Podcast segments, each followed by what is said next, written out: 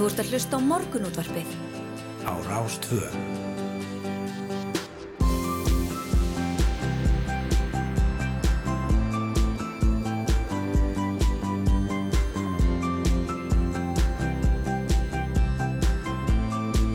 Morgunútvarpið Á Rástvö. Jú góðan og blessaðan daginn, kæru hlustendur, morgunútvarpið heldur hér af stað og hér í hljóðveri í efstaleiti eitt sitja Snær og Sindardóttir og Yngvar Þór Björnsson reyðbúin að vera með ykkur til klukkan nýju. Já, góðan dag. Hvað segir í dag, Snerós? Ég, ég segi bara ágætt. Já. Já, ég segi bara fínt. Já, ég segi fínt líka. Það er svona hérna, það er ágættis veður þessi dagina. Það er svona hérna, allavega svona hægu vindur og, og örlítill sólarglampi á og til. Já, það er mildt veður en Já. ég skal alveg viðkynna að það var smá bömmur að vakna og sjá að uh, ég hefði glemt að setja yfirbreyssluna út í grillið og það er Já, einmitt. illa að fara með gott grill. Já, segðu þið. Já, en við fyrir nú betri yfir veður og færð hérna eftir klukkan sjö. Við ætlum að ræða margt annað þetta í dagsins. Já, einmitt, uh, Gummi, teknikall, uh, Guðmundur Jóhansson, hann kemur til okkar með einn án fróðlegsmólun úr heimi tæknar í lók þáttar og svo það Hollywood. Já, já, talandi um tækni því að Daði Einarsson hlaut á sunnundaginn BAFTA-velunin fyrir tæknibrellur í Netflix þáttunum The Witcher og BAFTA-velunin eru velun sem Breska Akademían veitur fyrir framúskarandi sjómas og kvikmyndagerð en Daði hefur náttúrulega gert tæknibrellur í, í stórmyndum eh, eins og Gravity og Everest og í þáttum að borðið Ófærð og Hunters. Þannig að hann er, hann er að fara víða og hann segir okkur frá því í þessu ágæta spjalli að, að eh, já, hann er núna að vinna fyrir eh, Marvel Einmitt. í einhverju leiniverkefni Ú. var að fljúa út til, e, til Hollywood. Já, e, þegar við slóma þráðinn.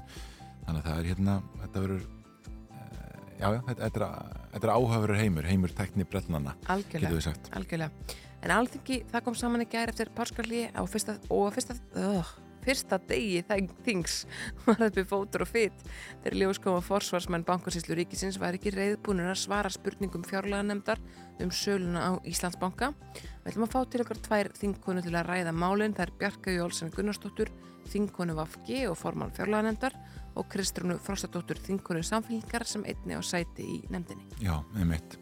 Og síðan er það mál málana í færaugum en í síðustu viku ákvað færiska lauruglana að það væri ólöglegt að hlaupa á hjólum á þeim svæðum í færaugum sem umferðalög ná yfir. Og því hafa öll slík faratæki verið fjallað af götum höfuðstaðsins þórsafnar og ekki fyrsta skipti eins og við nú áður heyrt. Íslenska fyrirtækið Hopp hefur þurft að berjast fyrir því að hafa hjól sín á götum færiða. Samgöngustofan í landinu bannaði hjólinn í ágúst um, á síðast ári og lauruglan lagði í kjölfarið hald á öll 50 hjól fyrirtækisins. Og fyrirtæki höfðu það dómusmáli kjölfarið og máli vannst fyrir landsrétti í Danmörku og hjólinn var aftursett á götur þósafnar í liðinni viku en fáinnum klukkustundum síðar sagði færska lauruglan að þau skildi fjarlæga á ný og við ætlum að ræða við Ebenezer Þórarinn Áskilsson, framkvæmdastjóru hopp í færium um stöðum hála að hvort færiðingar fái einhver tíman að þeytast um þósöfn á hjólunum. Já, við finnst það sér vel með þessu máli. Þetta er líklega þriðja, ef ekki fjórða sinn sem við ræðum með Ebenezer um þetta mál og það er alltaf ykkur nýjar vendingar. Já, já. Ótrúlegt. Já, og síðan er það já, hafurjættur og loftslagsbreytingar en gert er á fyrir að hækkun sjávarmáls hafi áhrif á lífskilirið að minnstakosti 300 miljón manna fyrir árið 2050 en brottflutningur þeirra myndi hafa áhrif á það hvort einstakar eigjur teljist byggilegar og geti þar með réttlætt tilkatt til hafsvæða. Og þegar eigjur breytast í óbyggilega klett eða sker geta ríki mist lögsögu yfir hafsvæðum sem spanna hundrað, eða hundruð þúsunda ferkilometra og þetta hefur snjólaug Árnadóttir, lektor við lögfræðdeild Háskólands í Reykjavík er ansakað og skriðum í bók sem kynnt voru dögunum Climate Change and Maritime Boundaries og við ætlum að ræða við hann um hafrétt og loftslagsbreytingar og hvort að hérna já, svona það, það er þjóðir sem eh, eins og Íslendingar sem eru kannski á líkindum ekki á leið undir sjó já, prátt og aðra þjóðir hvort Nei. að hérna hvort að við fáum þá hérna aukin hafrétt að hve- hvernig þetta er Þjóðir sem bara leiðindur sjó, þetta er, já, já, við erum á jákvæða nótunum hérna þetta en uh, átta Íslingar er nú stödd á göngu yfir Grænlandsjökul og ferðin tekur margar vikur, ekkert símasambandar í hópnum og hætturnar eru, já, eh, nokkrar. Þetta er mikil ævindri för þar sem hvert augnablík er skipulagt, allt getur gerst og eftir skýrist það flest, en það eru þær Brynildur Ólafsdóttur og Vilburg Arna Gissuradóttir sem fara fyrir hópnum, En af því það er ekkert samband við hópin þá fáum við til okkar mannbreyðinildar, hann Robert Marshall, til að segja ykkur frá þessu æsispennandi ferðalagi. Ég talaði þess um þetta hér á annan í páskum Já, en síðan þá hefur ímislegt gerst og þau komin, að, svona, komin á svolítið skrið. Fyrstu dagarnir og, og fyrsta vikan var mjög erfið og ferðin gekk mjög hægt. Og meðan komist var upp á jökulinn en núna geta þau átt vona því að komast. Það held ég alveg bara 80-20 km dag já, já, við þurfum að gera þetta einhvern Snærós. ég, veistu, ég held bara ekki. Nei, Nei, það sem ég er búin að heyra þessu ferðalagi er sko þrekraun já, að ég held að ég muni aldrei leggja hann á mig. Ég ætla bara að segja það hér kvitt og klárt.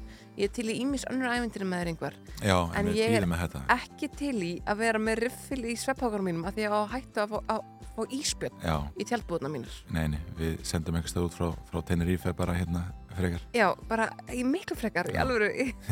Það er sko, þetta er, þetta er alveg fárlega spennandi. Já, og það er mjög gaman að fylgjast með þessu á uh, vertuúti.is en þetta er þetta er svaðilfur Mhm. með stóru essi sko. Já. Já, já, við, hérna, það verður áhugavert að heyri þeim núna kort er yfir sjö en ég var lítið örstutt á uh, forsýður bladana, það er hérna stórfrétt á forsýðu morgunblansins og fyrirsögn er sprengju árás gerð á hérað í Moldófu þegar Moldófu greindi frá því gæra á Telegram að nokkrar sprengju árásir hafi verið gerðar á héraðinu Transistríu Sæði líkur að landamærum Úkrænum en þar stjórna aðskilnaða sinna hliðhóllir Rúslandi og ráð þennan sagði að enginn hafi sæst í árásunum en árásunum komi í kjölfar þess að rúsnurkur hers höfðingi grundi frá því að rússar vildu mynda landbrú til hérasins sagði rúsnesku mælandi íbúa hérasins vera kúaða og Moldova, já þarna er svona sunnavert við ja, sunnan við Úkrænu og landamæri líka að, að Rúmenju mm og þetta er hérna í fyrsta skipti svona sem við heyrum af árásum á þetta sagði Já, einmitt. Uh, Hér á fórsýðu fréttablasins er talað við Björn M. Sigurðansson sem að er uh, hann er svo mikið sem uh, lektor við Dania háskólan á Jólandi og hann segir að uh, leikingin var með því að blóðmærahald hafi verið ólulegt vegna breyttra laga frá 2013 og 2014 þar sem að ekki sé lengur hægt að fá leifið til starfseminar uh, og hann segir hinn hreinlega uh, Hann furðar sig á því að matvælastofnun hafi lift blóðmærahald frá 2020 því enginn vafi leikja því að blóðtakan sé ólögleg frá þeim tíma.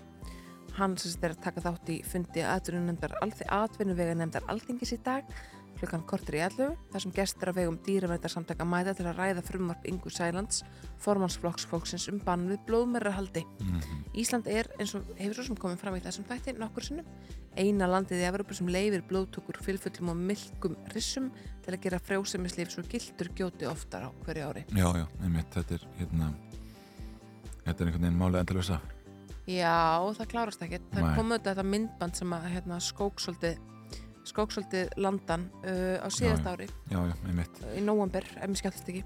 Hér á fórsíðu morgunblansins er líka rætt um það að íbúar í Reykjavík þeir eru síður ánæður með þjónstu síns sveitarfélags heldur en íbúar í nágranna sveitarfélagum borgarinnar og á landsbyðinni.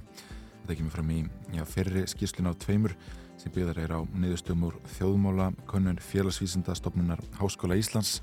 Um, og um, já, það er áhugavert það var einmitt rætt við fulltrúa flokkana í speiklinum í gerð uh, þeirra sem er að bjóða sig fram hér í Reykjavík Emitt. og þetta nálgast það bæði í myndskeiði uh, og í hljóðfæl hér á VF Rúf. En við skiptum yfir á fréttastofu og heyrum hvað þau hafa. Þú ert að hlusta á morgunútvarpið. á Rástvö.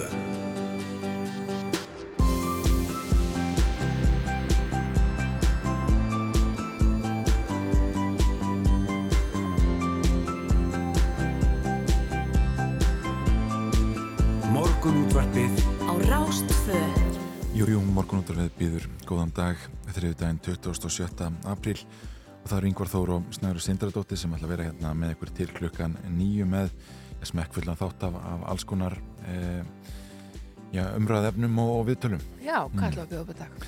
Herði, það er, það er margt og mikið, eh, ég er opnum dag hérna, eh, við ætlum að eins og alltaf á, á þriðutum, eða annarkvæð þriðudag, þá ætlum við að ræða heim tækninar við Guðmund Jóhansson, við ætlum að ræða við Dada Einarsson sem hlaut á sunnudaginn Baftavelun fyrir tæknibrellur, síðan ætlum við að ræða já, mál, málana, það er, eh, Salan á Íslandsbanka fáum til okkar tvær þingunur Bjarku Egi Olsen Gunnarsdóttur þingunum Vafgi og formann fjárlaganemdar og Kristrúnum Frostadóttur þingunum Samfélkingar Við ræðum við Ebenezer Þórarinn eh, sem er framkvæmdistöru hopp í færium en já, fyrirtæki þurfti enn og nýja fjarlæga hjól sín af götum um, þórsafnar við ræðum um já, hafrétt og loftarsbreytingar og já, gungu yfir Grænlandsjökul. En Hvernig er veðrið í dag, Snærós? Já, það er hans að stutt og laggott veðrið í dag, getur sagt þér. Í dag verður fremur hægur vindur á landinu um 3-8 metrar á sekundu og yfirleitt af suðu vestri. Skíabreiðan sem lág yfir landinu gæðir heldur velli og henni fyrir lítilsætt og súld eða rigning í flestum landslutum en híti verður á bylunu 3-11 stig. Við kikið hérna á uh, veðurkortið. Um, þá eru heitar tölur allan hringin kring og ekki setna vatna, það er komið 27. apríl, takk fyrir takk um, hægu vindur eins og segir mest uh, mesta rókið er í uh, Hólmavík og Bólangavík það eru 7 metrar sekundu, 6 metrar sekundu inn í hátteginu um, en þetta er svona bara myllt við um landa allt, mm -hmm. en svo uh, í kvöld og nótt maður búast við úrhelli hér á höfuborgarsvæðinu með mjög hægum vindi og 6 þegar hitta Já. sem er það sem heitir gott fyrir gróður Já, já, nákvæmlega. Hér á vegakerðarinnar kemur fram að það að myndast hólur nokkuð við á vegum og vegfærandur bennur um að akka með gát og e, á Suðvesturlandi þá er já, ítrekkað að það eru hólur sem að myndast við á vegum. E, á Vesturlandi e, í dölunum eru vegfærandir varað við mjög slem ástandi vega í Dalabegð og Reykjólasveit. Það er unnið að viðgerðum og, og það beðir fólkum að taka tillit til starfsmanna sem er að sinna þessum viðgjörum og, og dragur hraðalla fyrir byggja slis. Nú vegur 63 frá dínandisheiði niður í Trostansfjörð eh, er nú fært, eh, ja, hann nú fær fjórisinu fjórum bílum og þar er auksulþungi 2 tonn og kabla í botni veiðileysufjörðar á ströndum. Eh, það sá kabla í nánast ófær eindrifsbílum og já, það er ágætt að fara inn á veðurstofunar og vegagerðarinnar áður en haldir af stað í ferðalag. Það eru hérna tilkynningar sem snúa fyrst og fremst að því að það eru hólur sem hafa myndast víða í vegum og Íslandir enda tekið fram að það sé eitthvað um hálku bletti og reyndir ja, víða áferð. Já, hvernig ætlum við getum hægt að segja frá þessum hólum? E, er, er ekki einhverjir tugir ára í það? Ég það meina. E, ekki segja það. ég meinti nú bara, þú veist, hver að vera búið að gera við vegna þessum hólum. Það fara ekki neitt nema það sé bætta hans í þær. Já, akkurat. Skvetta hans í þær af, af ferskum albyggi. Já, ég myndi þetta fyrir illa með bílana. Hmm. Já, en hérna, það er spurning hvað þið fáum fyrsta lagdagsins. Þetta er lagi Lose Control með Vög.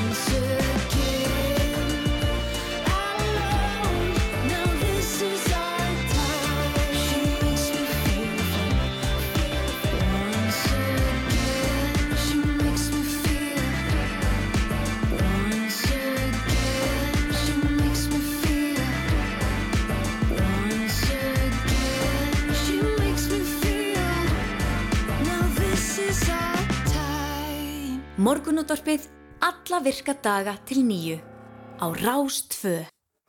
Jú, jú, þetta var vög með uh, ansi skemmtilegt lag en það er ansi, ég það er að gleði fréttiringvar hér í fréttablaðinu. Já, já. Það hefur tekinn ákvörnum það einan Háskóla Íslands að nefnendur í starfstengdu námi fyrir fólk með þroskahamlun fái að brautskrást með öðrum nefnendum skólans lögadaginn 2015. júni næstkomandi. Mm, það hefur náttúrulega verið tölverið rætt um þetta mál lengi núna.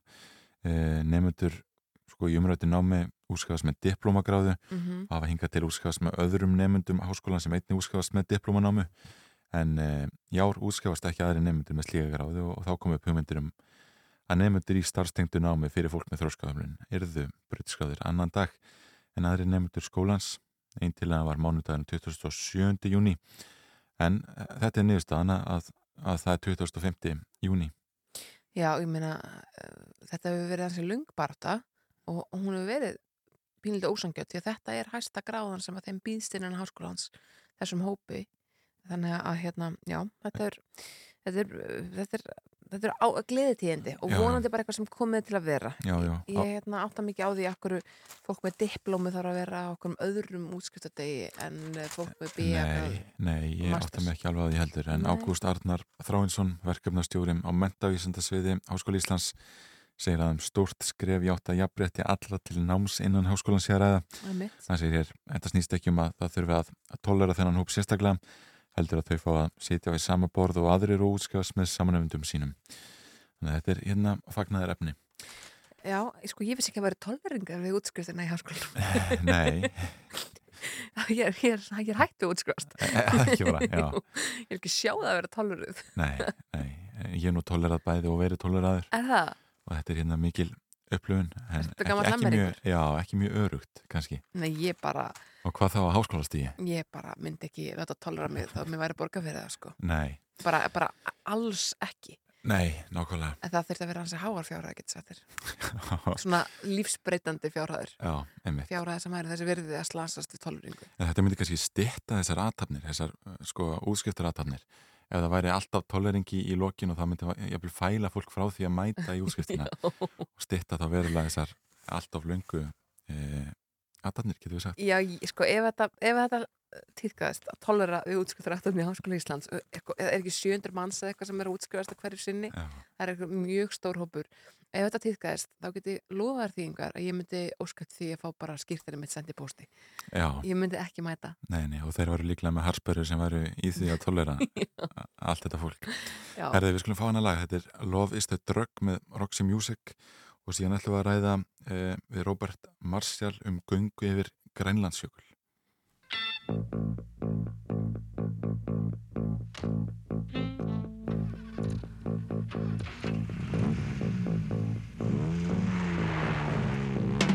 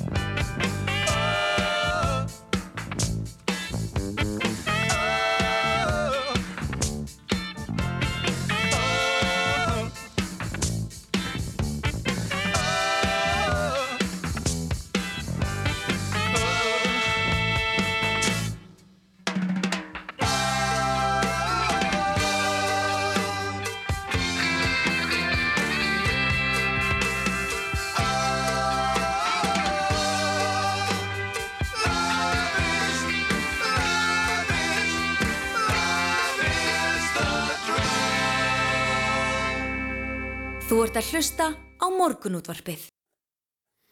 Jú, jú, Love is the drug með Roxy Music. En átta Íslendingar eru nú stött á göngu yfir Grænlands jökul en ferðin tekur margar vikur, það er ekkert síma samband hjá hópnum og hætturnar eru margar. Og e, þetta er mikil æfintir að förða sem hvert augnablik er náttúrulega skipulagt og allt getur gest og, og eflust gerst það flest getur við sagt. En það er, er Brynhildur Ólastóttir og Vilborg Arna Gísraðdóttir sem fara fyrir hópnum. Ná því að það er ekkert samband við hópin e, fáum við til okkar mann Brynhildar Róbert Marshall og hann er komin ykkar til okkar, góðan daginn. Góðan dag, Velkomin. Sko, segðu okkur frá þessu, þessari miklu ævindira förð. Hvar, hvert eru þau komin núna? Já, þau eru búin að rjúfa svona ja, 100 kilometra múrin, þau eru komin eh, vel yfir það og hérna, þetta er svo allt í allt ve- vel yfir 500 kilometra sem þau eru Mhm, að fara, mhm. 550-60 kilometrar frá sagt uh, vestuströnd yfir til austuströndar uh, hérna Grænlands og þau eiga núna svona rétt um, uh, um 50 kilometra eh, ófarna í TAI 2 sem er Mm. yfirgefin ratsjárstöð sem var yfirgefin 1988 þannig að uh, hún lítur svona svolítið út eins og fólk hafi eftir hátegismat ákveðið að fara út að kíkja til veðurs og síðan ákveðið þar að fara ekki aftur inn mm. þannig að það er bara hérna, kaffi í bollum og, og vindlar og öskubökkum Mm. og hálf svona opinn tímaritt Já, Og fáðu þau að fara inn í þessa rætsastöðu? Já, hún er opinn og, og þar hefur svona eh, kuldinn og, og, og jökullinn hafið innreið sína þannig að Mm. hérna það hún er, hún er bara eins og uh, einhver sena úr eh, verstu mögulegu hryllingsmynd sem þið getið ímyndað ykkur. The Thing eða eitthvað svo leið sko. Einmitt. En Þannig að hvernig, það, það er fólk, þeir sem að koma þarna fara inn auðvitað og maður sér myndir frá leðangursmönnum innan úr þessari stöð svona hróllaugjandi og ég hef séð hérna á YouTube leðangur tvekja króatíu manna sem að greinilega hafa farið þann inn og ákveðið að sofa þar. Já. en eh, það myndi ég aldrei á æfinni gera nei.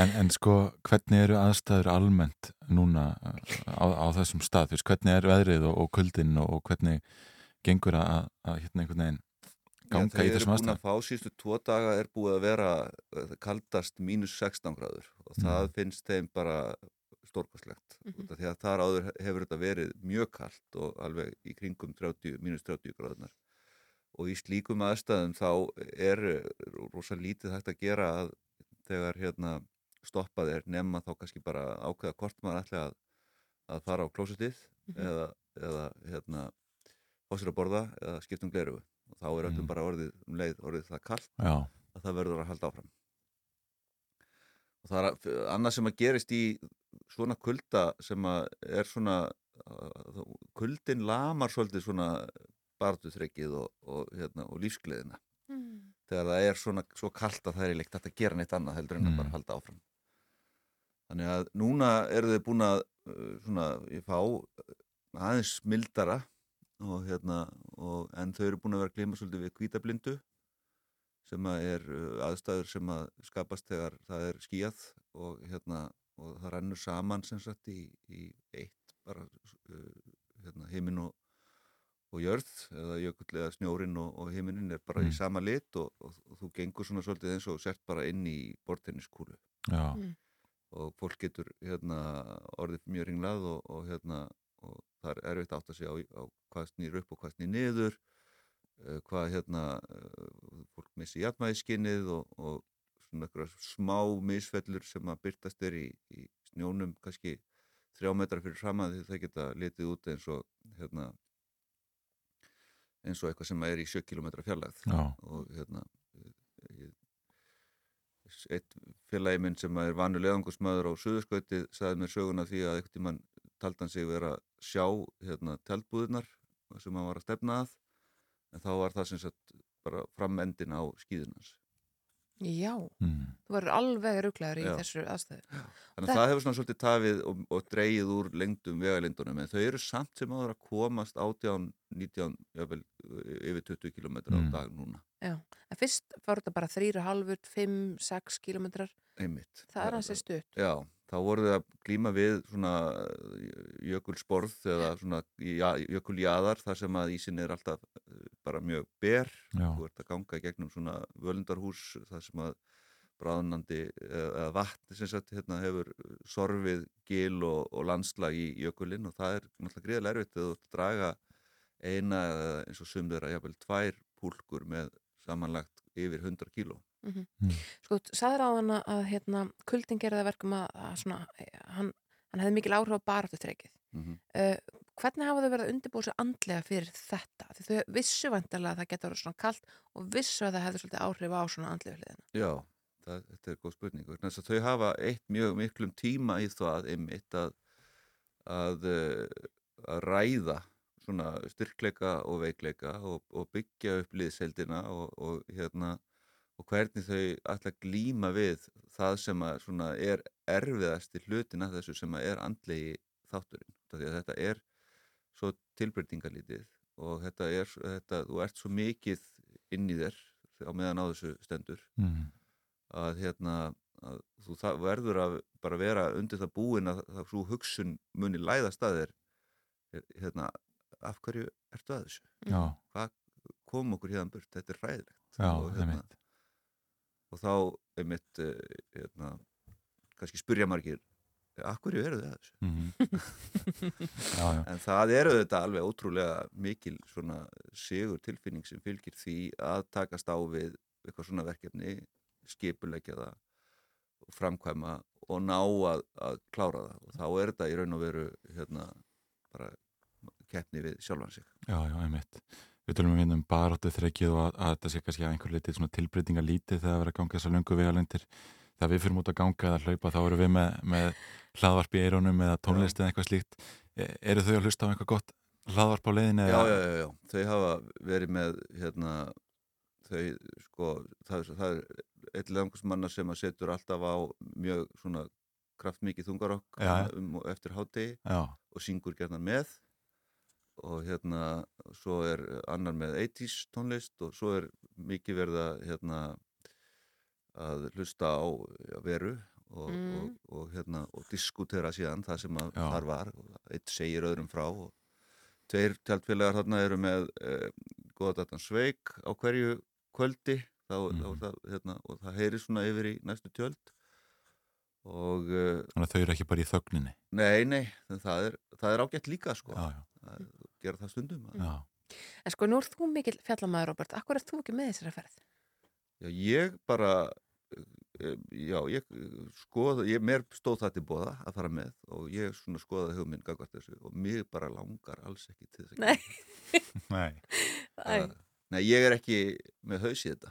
nei. nei, Eh, Ég, veist, ég bara held það sko, ég, hérna, ég, auðvitað, held, myndi maður örgulega klára svona verkefni og, og allt það en ég hef farið, ég fór til dæmis tóliðangra yfir vatnajökul á síðasta uh, ári og hérna, og það eru svona aðeins stittri og meira átrifanlegir svona, þú veist, áfangar á leiðinni að sjá fjöll í aðrinum og landslæðið er að breytast og, Mhm. og hérna og síðan er hérna jökulbreiðan á vatnajökli sem er Mhm. náttúrulega ótrúlega magnað að vera á þetta því að þú serð ekki neitt nema bara snjóslettu slettu í allar áttir en uh, þetta er ekki fyrir alla Nei. að gera þetta og ég svona er einmitt meiri kannski fjallamæður heldur en, heldur en Mhm. jökul sléttumæður. Þau verða að göngu í þrjá til fjórar vikur uh, sko eins og ferðin gengur núna lítur út fyrir að þau ná að komast þetta á þermi vikum eða að munu þau alveg nýta já, þau hafa vist til 28 daga ekki satt Það sem að gerist eftir að þau ná þessari ratsjárstöð sem að er svona á, á tveimur og hálfum dögum hérna í frá að telja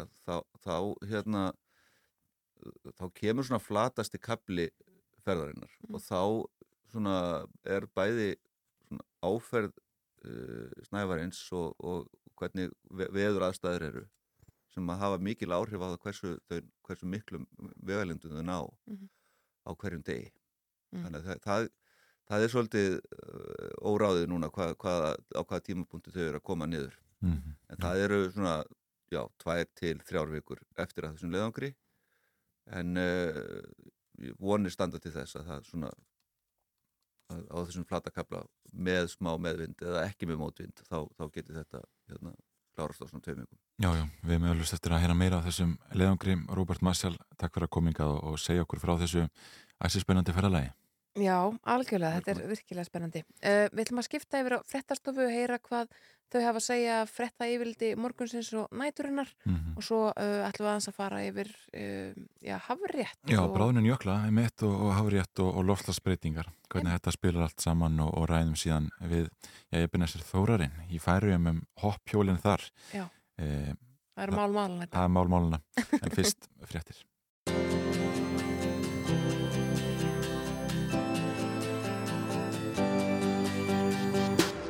Þú ert að hlusta á morgunútvarpið. Á Rástvö. Jú, jú, áfram heldum við hér í morgunútvarpinu. Það er komin tími á smá músik Jú, jú, þetta er flutdreki með bríti. Ég bátur á bryggjunni. Úti er kallt En ég býð eftir sólinni. Aldan heggur inn í hliðin á mér. Hugurinn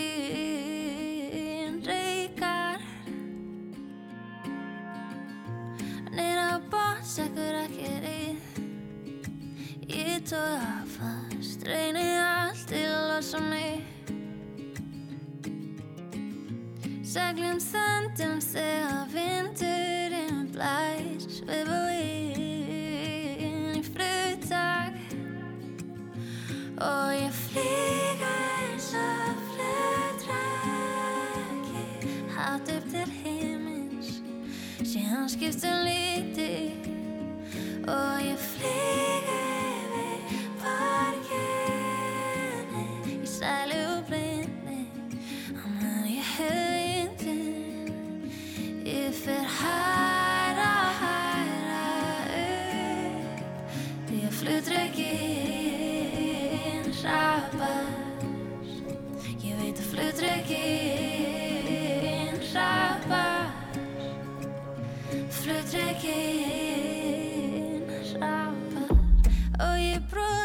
brotlandi í portinu Leita til þín Þú vilt dregan í loftinu.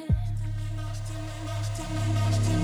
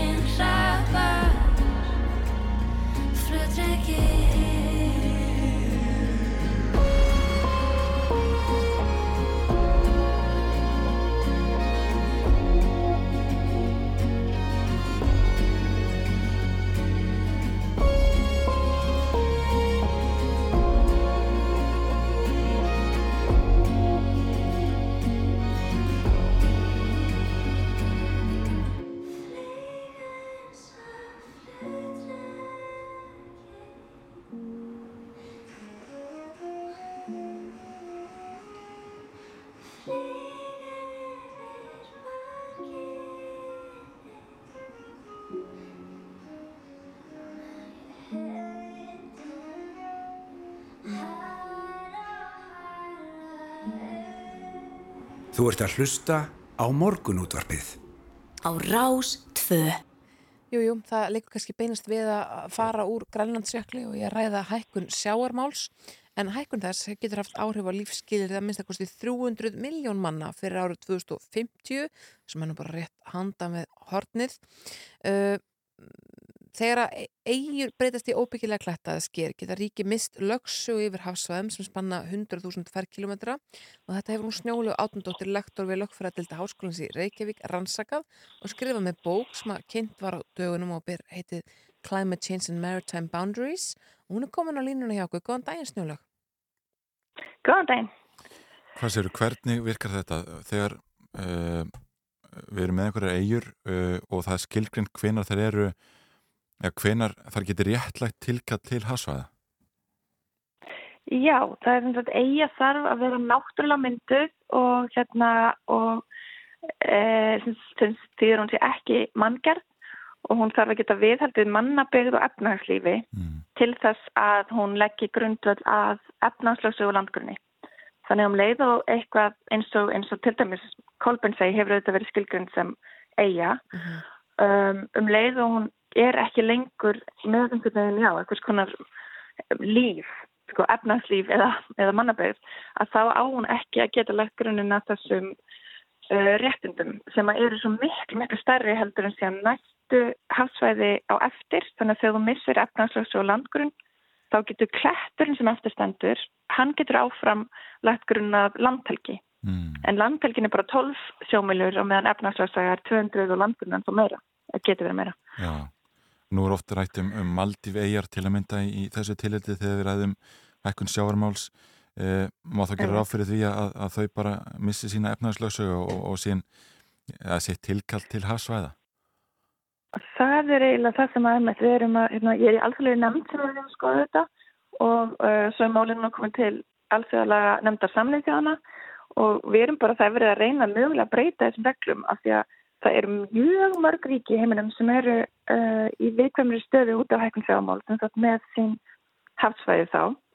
Og Maldivæg er eitt dæmi svo er það Tuvalu, Vanuatu, Micronesia, Marshall Islands, Seychelles uh, þau eru ótrúlega mörg. Það eru, mm. eru 22 ríki sem sko eru með eigaklasalínur það eru þá land sem eru með hérna, ákveð hlutvall lands á móti hafi innan grunnlína sinna og, og hérna, þau eru alveg sérstaklega viðkvæm af því að hérna, þegar hlutfalli breytist, þegar nokkri klettar hverfa eða flæðisker eða, eða hérna, kóralrif eða hvað, hvað þetta eru sem við notum sem grunnlínpunta, mm -hmm. þá geta hlutfallin breyst og þau hætta að uppfylla skilir við hérna, hafræðarsamning samnið þjóðana til að teljast eiginlega þá getur þau mist alveg ofbúslega mikið í stórum stíl hægt að vera eiglasaríki og hérna orðið bara einhverju nokkru klettar sem eftir standa. Og já, þannig að þá getur mjög mikið breyst. Og uh, eins og lögin eru tólku í dag af lang, lang flestum við og meiri segja Íslanda á sko hæstæftadóm frá 1922 sem lýsir þessari lagatúlkun að, að hérna, línur í hafi fylgi landi. Um, að þá eru mörg ríki heims núna mótvallin þessu vegna eitthvað ég sjá fram á að tapa miklum hafsvæðum. Og þar á leiðandi sem það drettinum til þess að veiða og nýta efnarslöfs og landgrunn.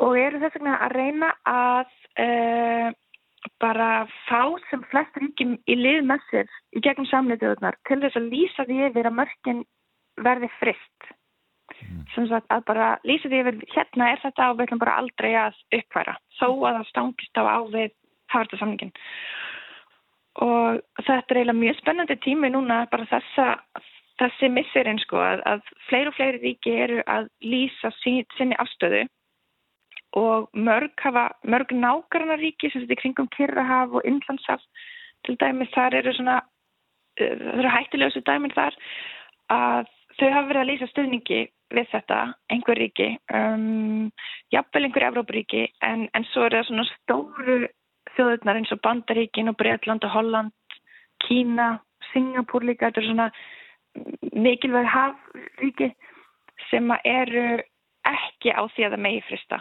mm. línur. En þetta er svona samsko, þetta er loftslags réttlætismál í raun og veru. Mm -hmm. hvort að ríkin sem eru, ber ekki ábyrð á lofslagsbreytingum en verða verst fyrir þeim, hvort að þau eigi jæmt og þjætt að missa meir og meira hafsvæði þegar þau missa landsvæði. Einmitt. Sko það talaði um að, að hækkun sjáamáls geti haft áhrif á, á líf, já, að minnst eitthvað 300 miljón manna fyrir árið 2050 sem að er einhvern veginn ótrúlega stór tala á afskaplega skömmum tíma. Eru einhver dæmi um Eiríki þar sem, að, sem munur bara leggjast í eyði á þessum næstu 27 árum? Þar sem að enginn mun búa Já, sko það teljum við örglega að hérna, til dæmis uh, Tuvalu og Vanuatu hafa verið og Kiribati líka Mhm. örglega.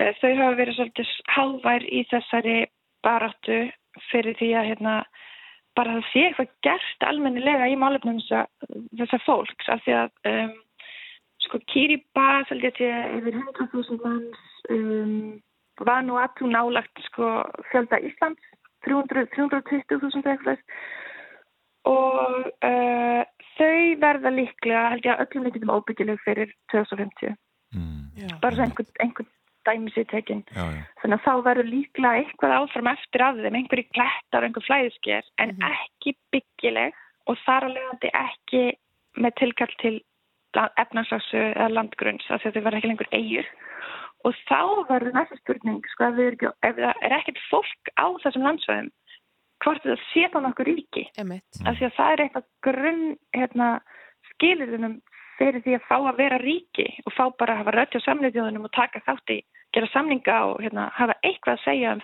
þróun alþjóðu samfélagsins. Já, já. Það er að það sé sko landsvæði og uh, þjóð tengd landsvæðinu. Þannig að áður en ríkin hverfa alveg þá verða þau óbyggileg og það er eiginlega aðal um, aðalatriði sko Mhm. í þessu öllu saman. Hvort þau fá hafsvæði og hvort þau sé ríki. Já, já, einmitt. En he hefur þetta haft einhver áhrif sko hér á landi um hugmyndir um tilkall til hafsvæða og, og já, hvað finnst, finnst íslenskum stjórnvöldum? Hafa þau látið það í ljós? Já, einmitt, það finnst mér líka mjög áhugavert og, og ég held að það sé, ég hef heyrt í fólki í, í ytryggstæðansunum með þetta og, og það er kannski ekki alveg fyllilega mótuð afstæðan þá að, eða var ekki búið að lýsa henni. Um, og ég held nefnilega flest þau ríki sem að hafa sendt inn upplýsingar eru að reyna að sína stuðning við einhver hérna, sökkandi ríki uh, en bara ef að Ísland horfir bara eigingjand á þetta fyrir sína hagsmunni þá, þá myndum við kannski ekki vilja frista línur þannig að úthafið stækki ekki. Nei. Sko. Ef, ef, ef að línurnar breytast þá þýðir það stærra úthaf og meiri bara siglingaréttindi og nýtingaréttur fyrir alla aðra Mhm. á þessum sæðum. En annars getur við til þess verið að sjá bara til dæmis allt kannski suður kyrrahafið bara verið, verið lokað af sem efnagslögsu og landgrunn Mm. jafnvel þó það sé ekki lengur neinn sko begðu það ríki á svæðinu að það getur þetta haldið áfram ef þetta er allt frist, þá getur þetta bara verið alveg áfram. Þau sjá þetta fyrir sér þessi ríki þarna eins og eitthvað hérna, einhver, já, bara, bara haf uh, álfu Já, þú veist, bara að þau verði svona ocean, great ocean continent. Það verði þannig ríki frekar heldur en sko að þau hætti að vera til. Mhm, og já, og svo líka það sem ég held að sé kannski aðalatrið er þetta grafi bara undan réttar kerfinu já, að þarna erum við með samning, hafverðarsamningin sem er uh, aðalframkvæmstjóri samnið þjóðuna lístunum sem mikilvægasta, eða hugsanlega mikilvægasta uh, samningi 20. aldarinnar sem var gerður og hérna ef við förum núna að víkja frá honum ef, bara, ef, ef ríki lýsa því yfir að þau séu ósáttu reglurnar þær séu núna orðnar ósangjarnar út af lossasbreytingum og því hvernig lossasbreytingar er að spila inn í að þá ætlum við bara líta fram hjá honum. Þá er þetta náttúrulega ekki eins og alvöru lög. Eða, skiljið, að- og þetta er svo mikil alltaf bara í þjóðaréttunum að það sé alvöru mark tekið á honum að það sé ekki bara stjórnmál heldur sé þetta lagakerfi. Snjólu Átnardóttir, lektor og í lögfæra til Háskólands í Reykjavík verða að hérna, stoppa þetta er mjög áhugavert en takk kærlega fyrir að vera á línunni hjá okkur. Takk ekki kella fyrir Turn off the lights. You swear it helps, and we say goodnight at half past twelve. And I know I'm tired, but I'm wide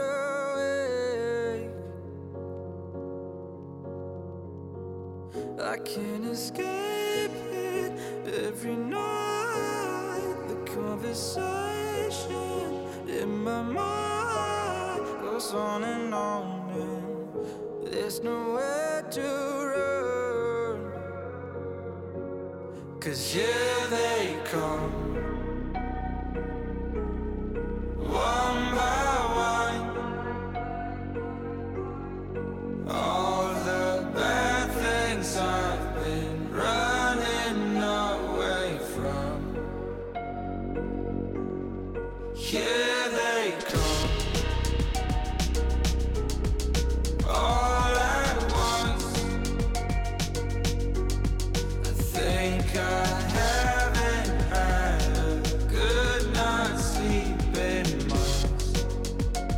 In months. I guess they come out at night and stay till the morning. Nowhere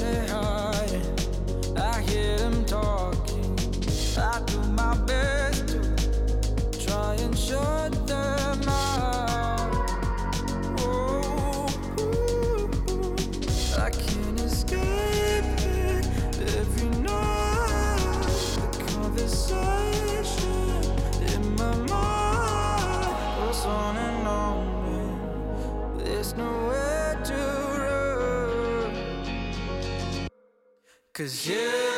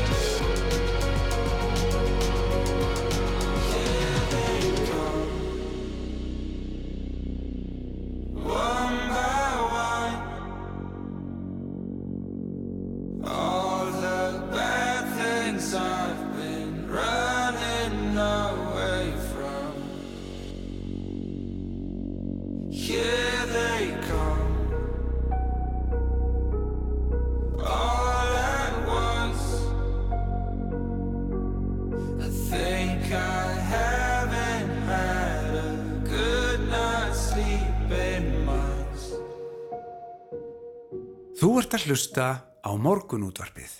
Jújú, hér þeir kom með Tómasi Velding, en nú ætlum við að ræða, já, mál sem við höfum rætt nokkur sem áður í þessum þætti. Það er, eh, já, raf, hlaupa, hjól og færiar. En í síðustu viku ákvað færiska lauruglun að það væri ólöglegt að aka raf, hlaupa, hjólum á þeim svæðum í færium sem umfyralög ná yfir og því hafa öll slík fartæki verið fjallið af gödum þósafnar og ekki fyrsta skipti. Ebenezer Þórarinn Áskirsson, framkvæmdastjóri hoppi í færium, er komin á línuna, góðan daginn. Góðan og blessaðan dag.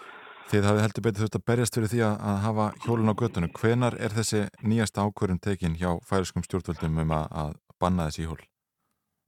Uh, herðu, þetta var hérna tekið eftir að öll hjólinn voru búin að vera göttunum í 16 klukkutíma.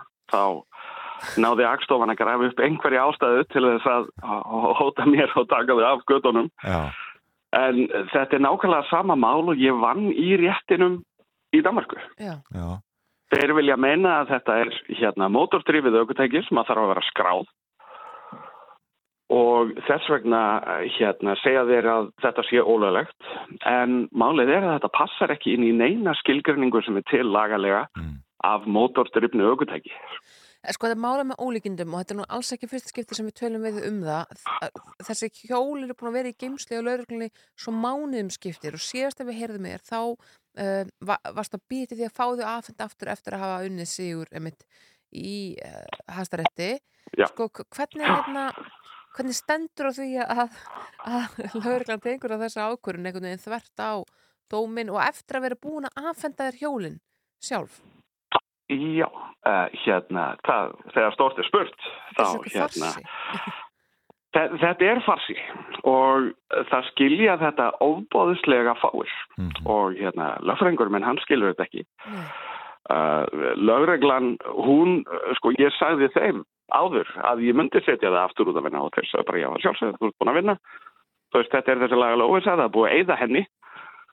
En svo, þessi, hérna, þessi ákvörðun sem var tekin núna, þetta ég var bara fundin út af götu því að, hérna, Háaksinn gráherður með stórt grátt skegg, það er, hérna, ég fer ekki fram hjá mörgum Já. og hérna beðin um að koma upp á lögreglu stöð og tala við þá og hérna þá tilkynntuði mér það að ég hefði tókásti, það er að taka hjólun af gödunum eða að allir fengu cirka 20.000 krónir sekt Já, fyrir að nota hjólinn. Já, Já, og þá bara byrja maður á því að slökka á hjólunum og taka þau inn. En hérna síðan vita þeir ekki hvað sektin ætti að vera há. Einn segir, þú veist, 1000 krónur danskar annar segir 600 og annar segir 700 og svo er þetta svona já, við metum að sektin væri kannski þetta já. En, en, en ekkert, ekkert sem er 100% hjá en, þeim en hvernig var stemmingin þessar 16 klukkutíma þar sem hjólinn voru á göttum þú safnar? stemningin var fín og þetta var, veist, þetta var betri opnun en en við höfðum, hérna, fyrst þegar við settum þau á gödunar síðasta sumar Já. miklu fleiri notendur og hérna og fólk tók þessu rosalega vel Já, já, já. Og þú þurftir að hrifsa hjólinurinni bara úr, úr höndum þeirra nánast? Já, bara býða eftir að fólk lauk túrnum og þá bara slökva Já. sem að var alveg bara hræðilegt En snýst þetta mál ekki að ykkur leiti líka um hjálmskyldu og, og uh, já, nótkunn batna, að sérst, fólks undir átunaraldri eða hvað? hérna er engin hjálmaskylda á hjól Já, Mm. alls ekki Nei.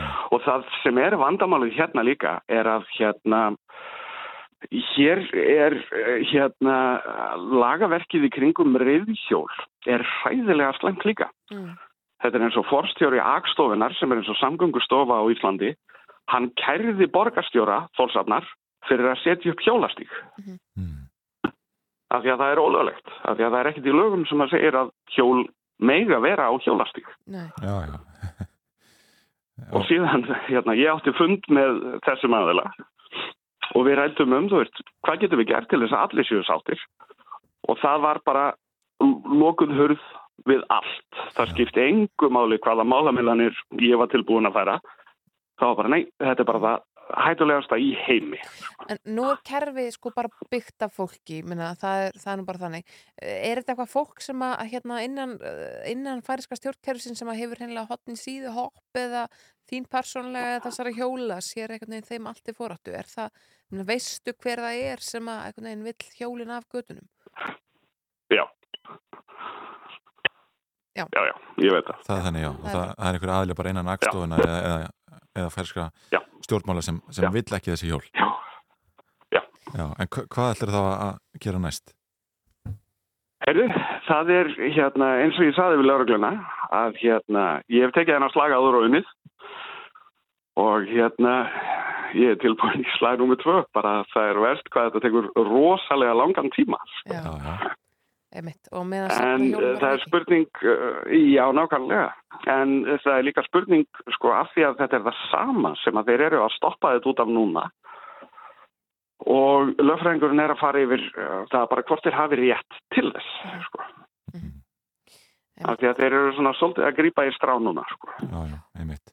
Ebenezer Þórurein Áskjesson, frangvöndistjóri, hoppi í færium, takk fyrir að vera á línunni og við hefum ellust eftir að fá að ræða við einhvern tímann aftur.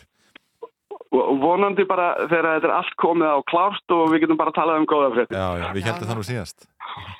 Já, nákvæmlega, sama hér. Takk kærlega fyrir að vera á línunni hjá okkur, Ebenezer. Herri, hafið þið góðan dag. Yngvar, það voru hér uh, forman, eða hérna oddvita uh, kappræður í, í útarpinu í gerðkvöldi og Já, já. hér komið mynd á vefin á rú.is og ég sé að það er svona ábrendi brúnleit litapaletta í gangi þetta er svona, það, það er, það er alþýðleg litapaletta í gangi Já, einmitt, það er áhugavert. Það er náttúrulega þetta nálgast uh, þessa speilstætti líka í mynd á vefrúf. Einmitt, og það er, hérna, það er augljóst hvert atkvæðin á að sækja Þú ert að hlusta á morgunútvarpið. Á Rástvö.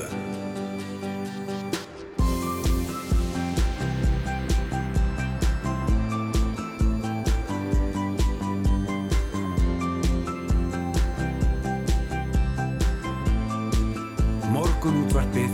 Á Rástvö Jú, við heldum áfram hér í morgunútvarpinu áttafréttir að baki og setni háleikur þar með hafinn hjá Snæður og Sindardóttur og Yngvar Þór Björnsinni sem setja hér í stúdiói ei, tvö í eftirleiti Já, við erum í, í, í tvö í þetta skipti. Já. akkurat. fyrstinum Í tvistunum, já, hljóverið tvö. Eh, við erum búin að fara við í þættinum í morgun og rættum við Ebenezer Þórarein, frangvöndastjóra Hoppi í færum, rættum við eh, Snúlegu Árnádóttur, lektor við lögfræðdeild Háskólands í Reykjavík um hafrétt og lofslagsbreytingar og rættum við Robert Marcial um eh, göngu yfir Grænlandsjökul og við möttum ræða margt og mikið þetta í dagsins. Einmitt, við ætlum að tala við Dada Einarsson sem hlaut á sunnudaginn Baftavelunin, við ætlum að fá til okkar Guðmund Jóhansson og svo eru þeir að fara að koma fyrir hjá okkur Bjarkei Olsen Gunnarsdóttir, þingkona VFG og formaði fjárlaganendar og Kristrún Frostadóttir, þingkona samfélgingarinnar sem einnig á sæti í nefndinni. Við ætlum að sjálfsögðu að ræða söluna á Íslandsbanka. Það er bara verður aldrei nóg rætt um hana. Fundum það fljótleg eftir að við fórum að stinga saman nefjum. Það var líkt og að við hefðum verið saman allan tíð. Hver einasta mínúta við vildum nýta hana því við fundum það að Bara það að vera saman, það var okkar paradís. Nú finnst mér tækifæri til að fagna því að eiga þig Húrra, lengi lifum við. Húrra, ó,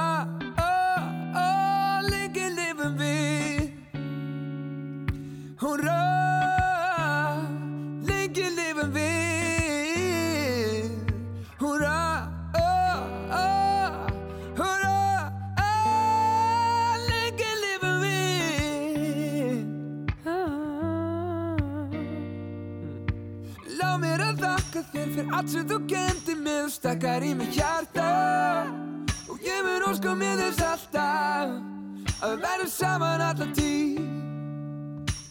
Með krakkaskaranum við höfum farið um allar heimsins trissur. Og við vitum það með vissu að það er okkar paradís. Ah. Nú finnst mér tækifæri til að fagna því að eiga þig Húrra, lengi lifum við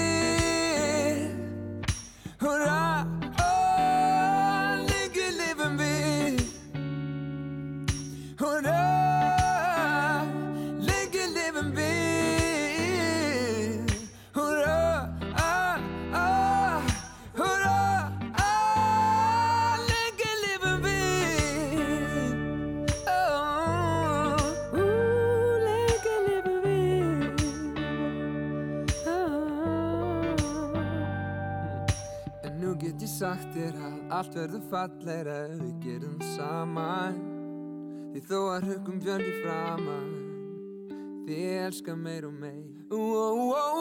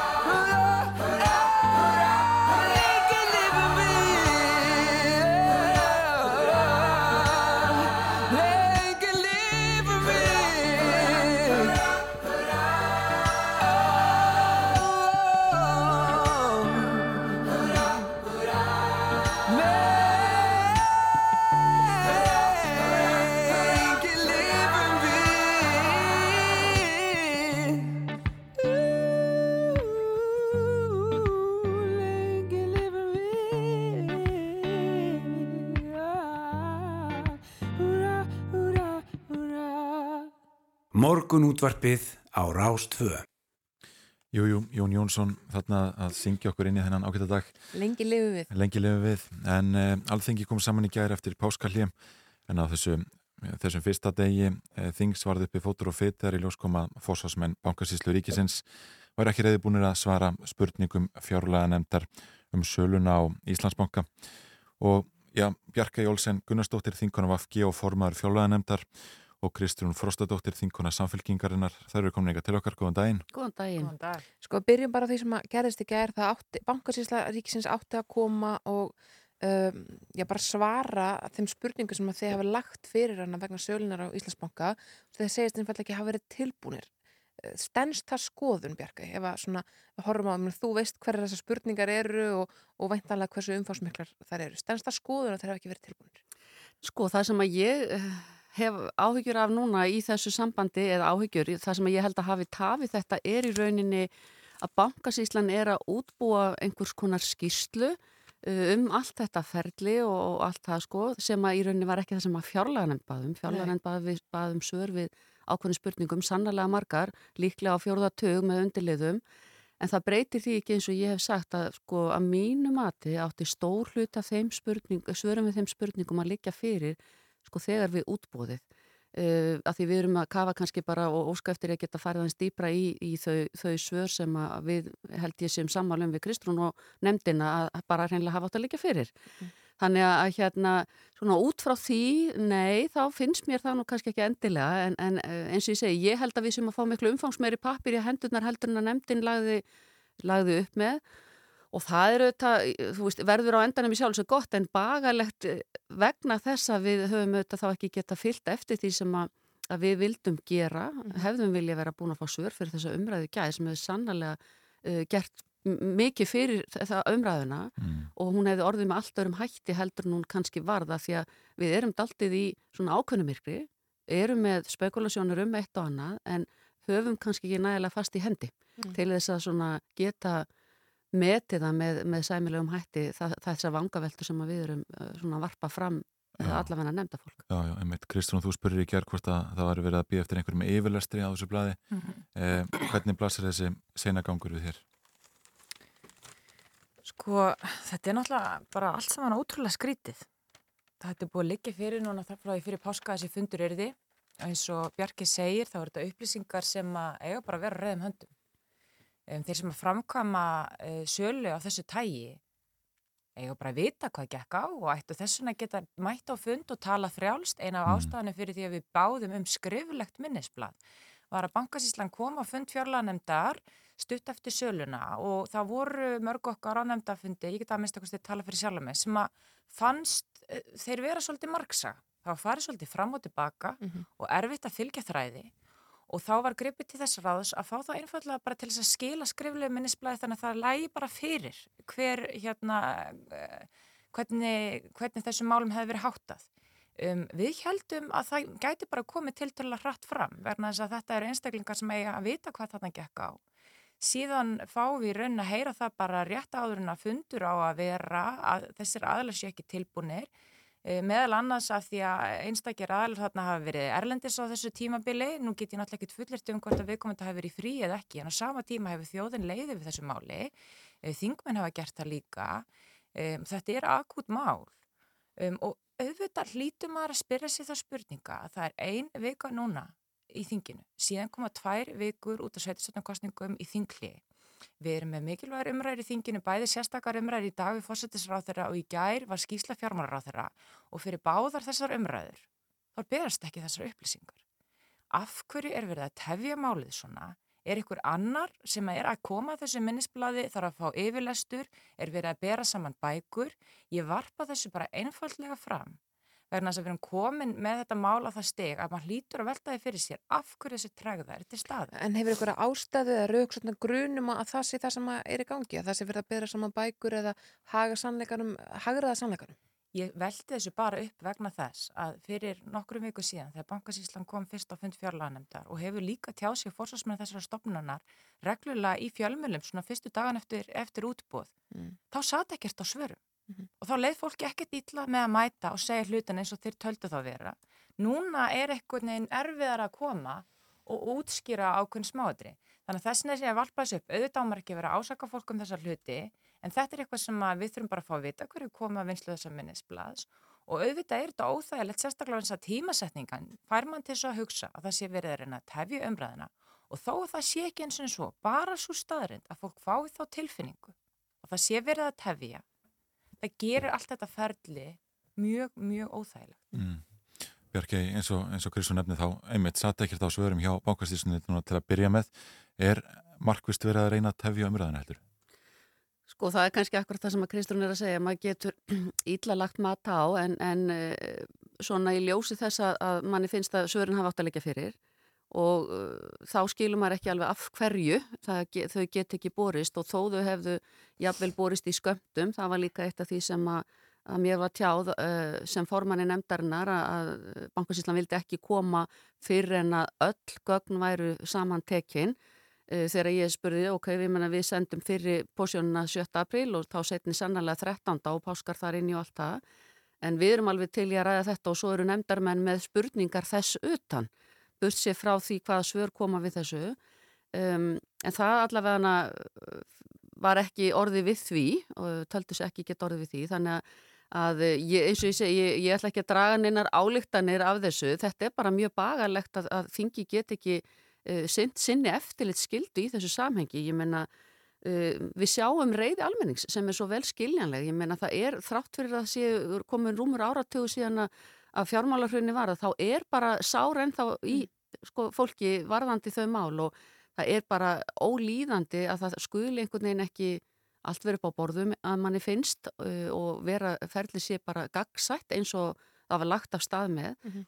Þannig að, að allt þetta einhvern veginn ítir undir það að fólk fer að vera með alls konar getgátur og, og fer að spá og spekulera og sjá draugi í öllum hodnum og eitthvað mm. sem er svo óþart að mínu mati. Sko það var alveg ljóst um leið og listum var byrtur hérna á einhverjum ágætt smiðugudegi fyrir í þessum mánuði að uh, það var alveg ljóst uh, af, af sko, orðum þingmanna að þetta hefði ekki farið fram eins og þeir heldu Það er að segja, Bryndis Haraldur til dæmis, hún sagði við heldum að hér erðu einhverju kjölfestu langtíma fjárfestar en hér eru bara minni leikmenn í hrönnum, fólk sem er að fjárfesta fyrir, þú veist, svo í sletti skíð og ingenting og, og, hérna, og er einhvern veginn að, uh, bara alls ekki með svona stöndut bakland í sínum fjármálum.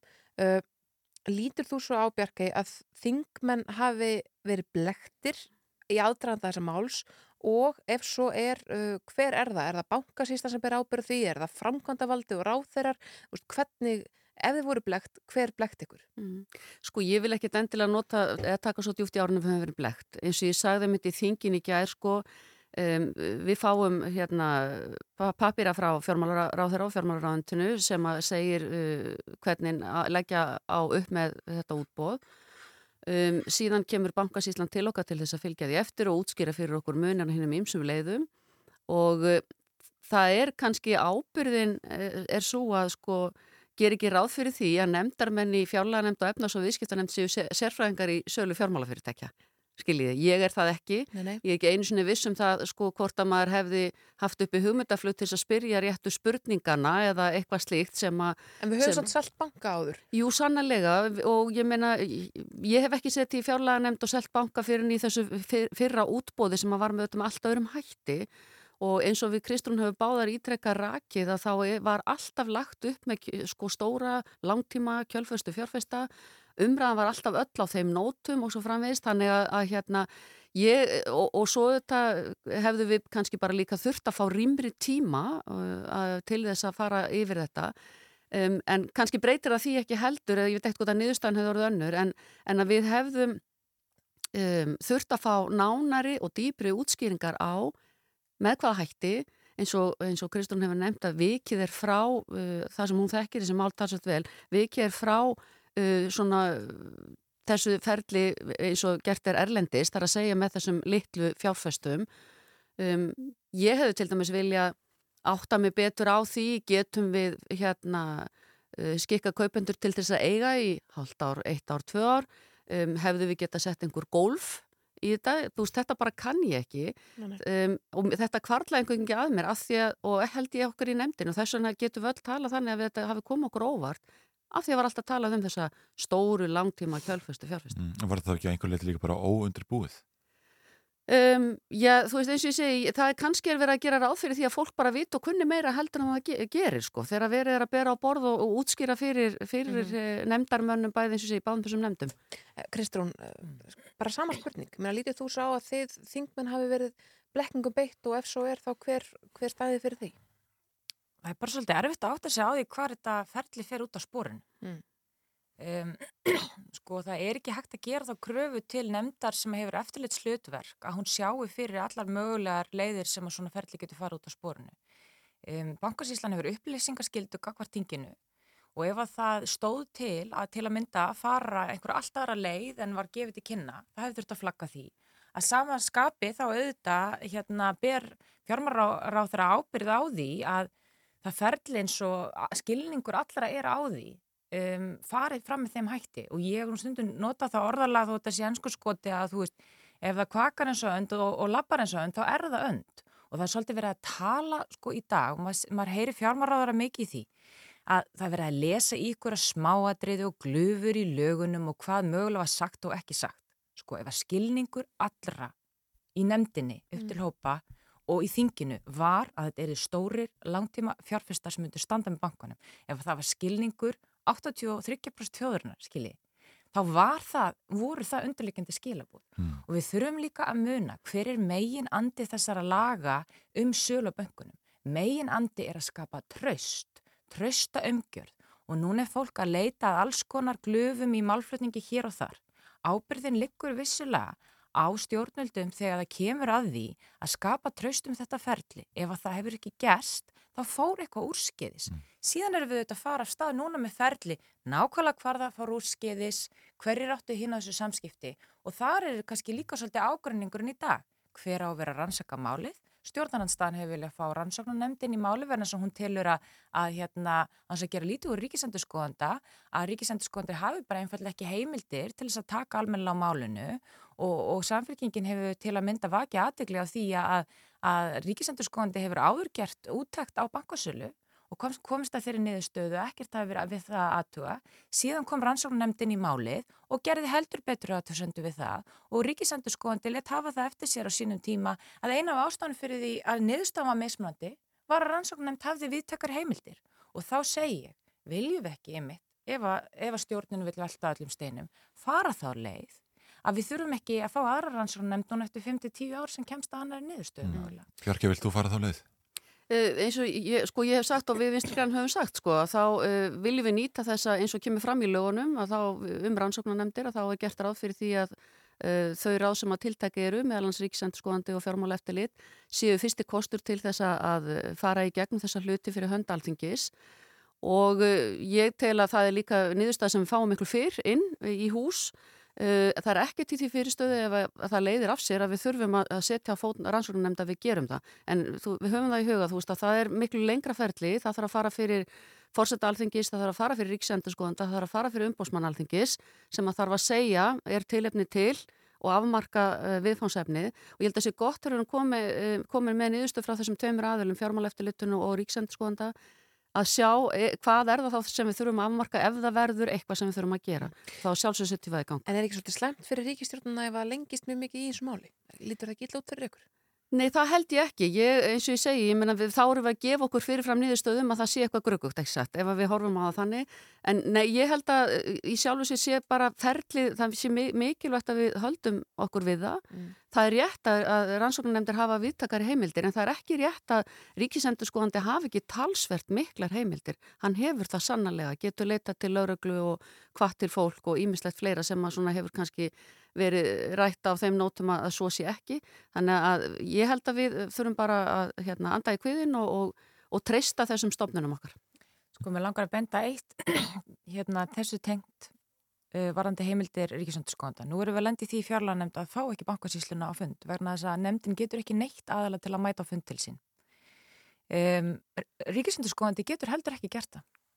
Og það er til dæmis munur að rannsóknarnemnd og ríkisendurskóðanda að, að rannsóknarnemnd getur bara einfallega fengið aðalega til sín hvort sem að viðkomandi vil koma eða ekki og í svona stóru ferli þar sem margir aðalega koma og takk eftir hvernig ráðþara ríkisjöfnum talar það er alltaf einhver armslengt, einhver annar það er söluráðgjafin. Það eru kannski tugir einstaklingar sem koma þessu ferli og það þarf að taka viðtölu við alla þessa einstaklinga og við viljum ekki lenda í þeirri stöðu að viðkomandi beri fyrir þess að vilja einfallega ekki mæta. Þannig að ég, ég byrð bara fólk um að hafa þetta í huga, mikilvægi þess að við séum með úrræði þar sem fólk getur ekki borið fyrir sig, það bara vilja einfallega ekki mæta þannig að það hendar þeim ekki þann dagi. Mm -hmm. Kristrún Frostóttur og Bjarki Olsen Gunnarsdóttir, það kærlega fyrir komuna í morgunútarbið, við komumst því meður ekki lengra við erum að skipta yfir á frettastofun að heyra frettæfilitt og svo ætlum við að heyra í honum Dada Einarsinni sem að hlauta sunnundag baftavelurinn fyrir taknibrellur í Netflix átturinn The Witcher.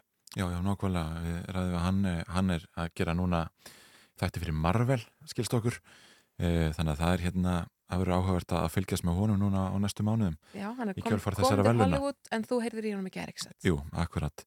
Og e, síðan heyrum við í Guðmundi Jóhansinni eins og alltaf annarkvæmt þriðudag hann e, kemur til okkar með svona einn og annan frólegsmólan úr heimi takninar Já, vonandi ætla hann að ræða sölun á Twitter. Já, við skulum skipta yfir á fréttastofunni samt fyrst. Nýju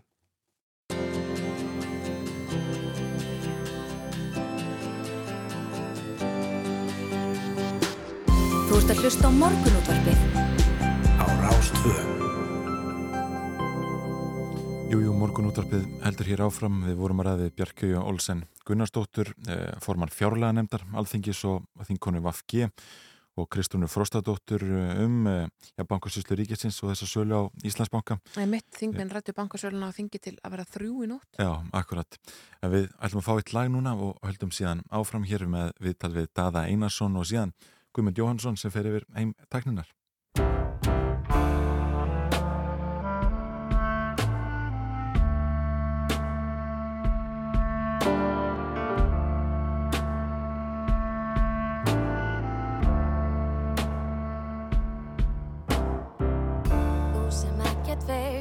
Getur breyst, ekki halda mér á þessum stað. En hver er frjáls í hugar heimi má, ég ferðast ángað óbeislað. Í það er von mín að við förum brátt á annan stað, á annan stað. Og hver sem ástæðan sem mér er gefin þá fölna ég sem slör mitt sí og sláttur hjartans hverfur allra fyrstur og svo fylgir með allt hitt. Í það er vonum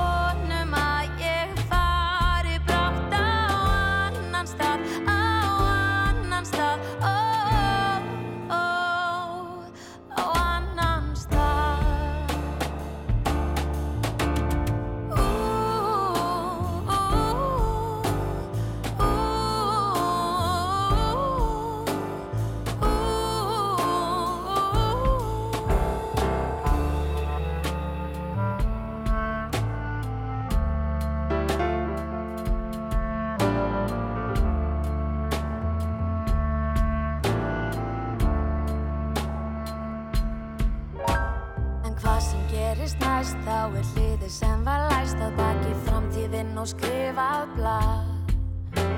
Og frelsi sem ég þrái veit ég finn það hjá þér. Við dansum inn í nóttina. Já því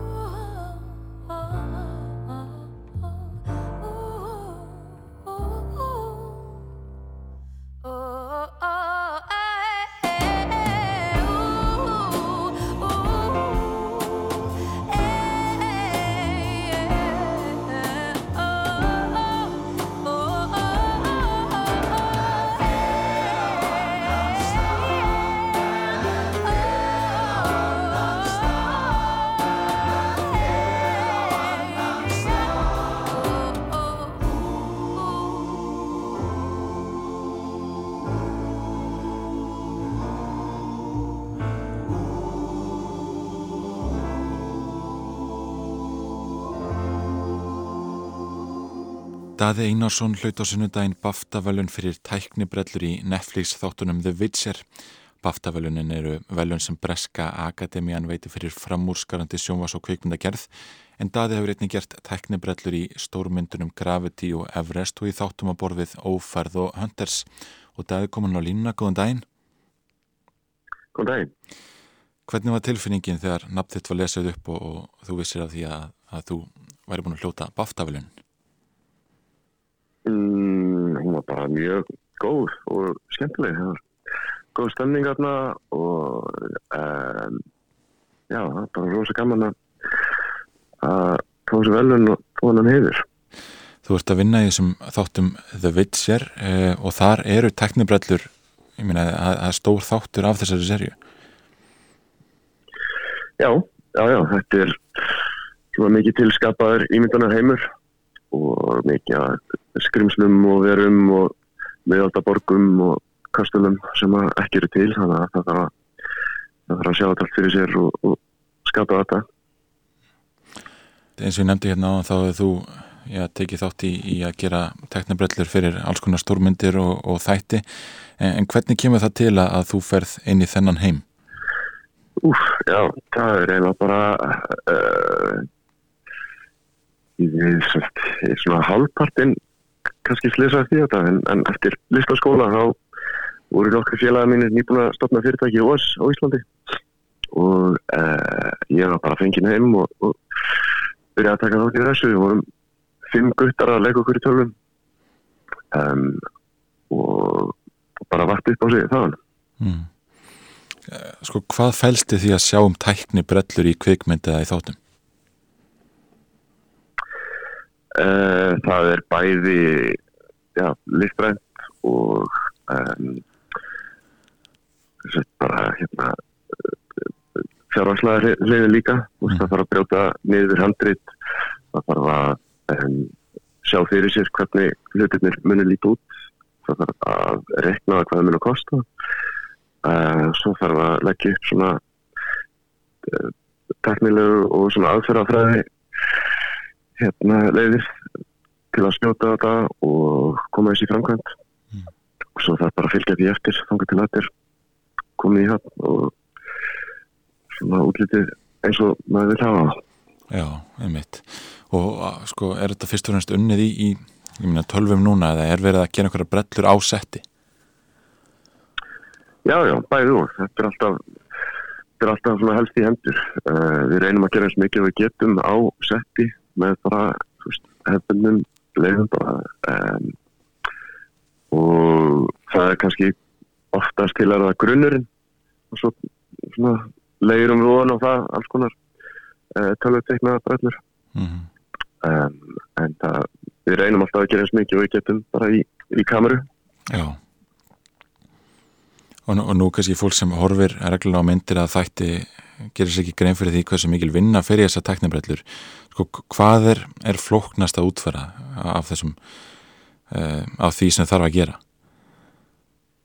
Mm, það er nú bara svo misjátt það er hérna um, já bara eins og ég veit sér uh, það er nú eitt svona sæmilega gott dæmið er kannski að hérna byrjuðum í tökum bara snemma 2019 og það var bara um, já, nei, fyrir sent, sent 2019 og 2020 byrjun 2020 hérna hófust tökur og stöttu sérna skall COVID á þannig að það var allt, það var allt stopp. Þannig að mikið af um, tökustofunum sem við ætlum á með aðleikarana það var ekki hægt að fara lengur. Þannig að við ætlum að skjóta í hérna, einu skæ í Skólandi uh, það var ekki hægt þannig að það var allt ekki upp bara á setti og hérna RFX myndbrellu fyrirtæki í Reykjavík uh, bjóð til allt umhverfið hérna, sem átti að taka upp í skæ. Og það var allt bara að sauma saman og, og gert af þeim á Íslandi. Já. Þannig að um, þannig að já það, það var rosalega flókið dæmi og, og uh, líka mjög góð löst á stóru vandamáli. En það var uh, já bara líka að nefna þú veist, þetta eh, all serían var unnin í svo kalluðu lockdowni í COVID þannig að eh, eiginlega allir sem að unnu af verkefninu sem hafi verið vöðun að vinna í svona stórum stúdíum voru að vinna þetta heima frá sér. Um, sem er eiginlega bara magna að það tekist og gengið upp. Já, hvernig er að vinna tæknibröllur heima á sér? uh, það er bara tölvöld flokknara en að vinna í, á, á vinnustöðu eða inn í stúdíu um, það þarf að koma tölvunum heim og svo eru alls konar öryggis atriði sem þarf að passa upp á og, og en alltaf þessi mannlegu samskipti sem að uh, hafa svo mikið að segja Já. en um, bransi var mjög fljótur aðlaða sér og leysa samskipta uh, samskiptin á, á Zoom og, og, svo leiðis fundin en þannig að já, það er eiginlega bara magnað að það hvað hann var fljótur að aðlaðast og, og klára þessi verkefni Já. Þú ert í Lundunum núna, að fljúa vesturlið bandaríkina, hvað stendur til þar? Uh, ég er að vinna þar núna, er hjá Marvel og hérna vinna við þætti þar. Og, og það hljóta að vera myndir sem, sem þarnast mikill að e, kunnátti í teknibröllum. Já, þetta er mjög stórt verkefni og já, eiginlega bara já, ekki marga senur sem er ekki stútfullar af teknibröllum. Mm. Getur þú sagt okkur svona nánar hvað ert að gera með Marvel? Uh, nei, það bara má ekki ok, það er þannig. Þetta eru, þetta eru þættir sem að koma núna bara sent í sumar. Mm. Hvað er fleira framöndan hér? Uh, ég bara veit það ekki. Það er, ég verði í því eitthvað fram á höst um, og svo bara kemur í ljós með framhaldi. Mm. Þetta er áhugavert daði, bara takk fyrir að vera á línni hjá okkur og spjalla við okkur. Já, takk, takk. Morgun útvarpið, alla virka daga til nýju á Rástföð.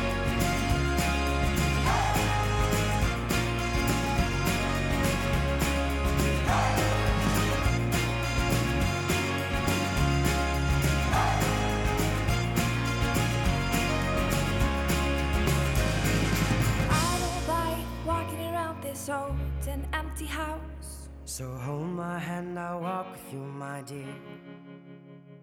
The stars creak as you sleep, it's keeping me awake. It's the house telling you to close your eyes. And some days I can't even trust myself. It's killing me to see this way. Cause though the truth may vary, this ship will carry our bodies safe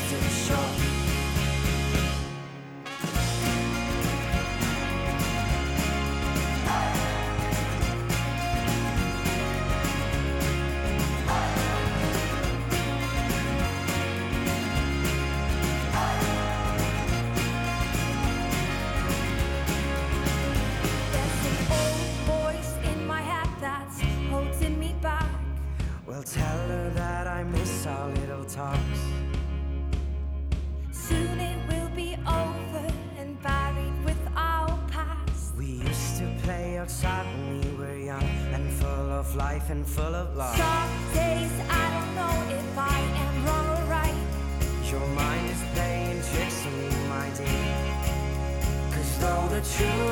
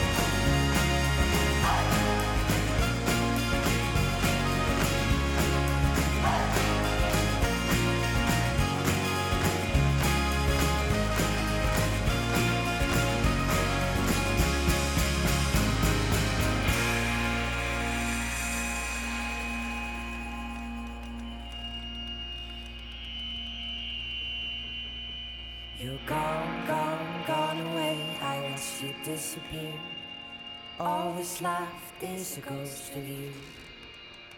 Now we're torn, torn, torn apart. There's nothing we can do.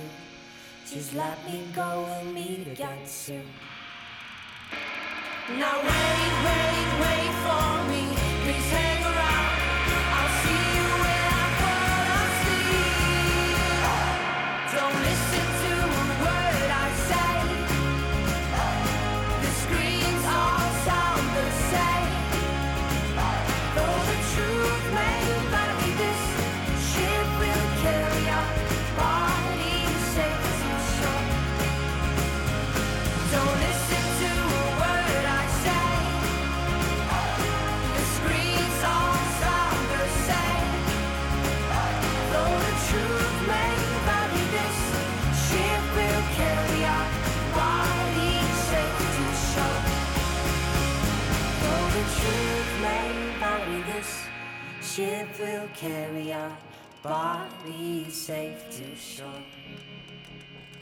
Though the truth may vary, this ship will carry our bodies safe to shore.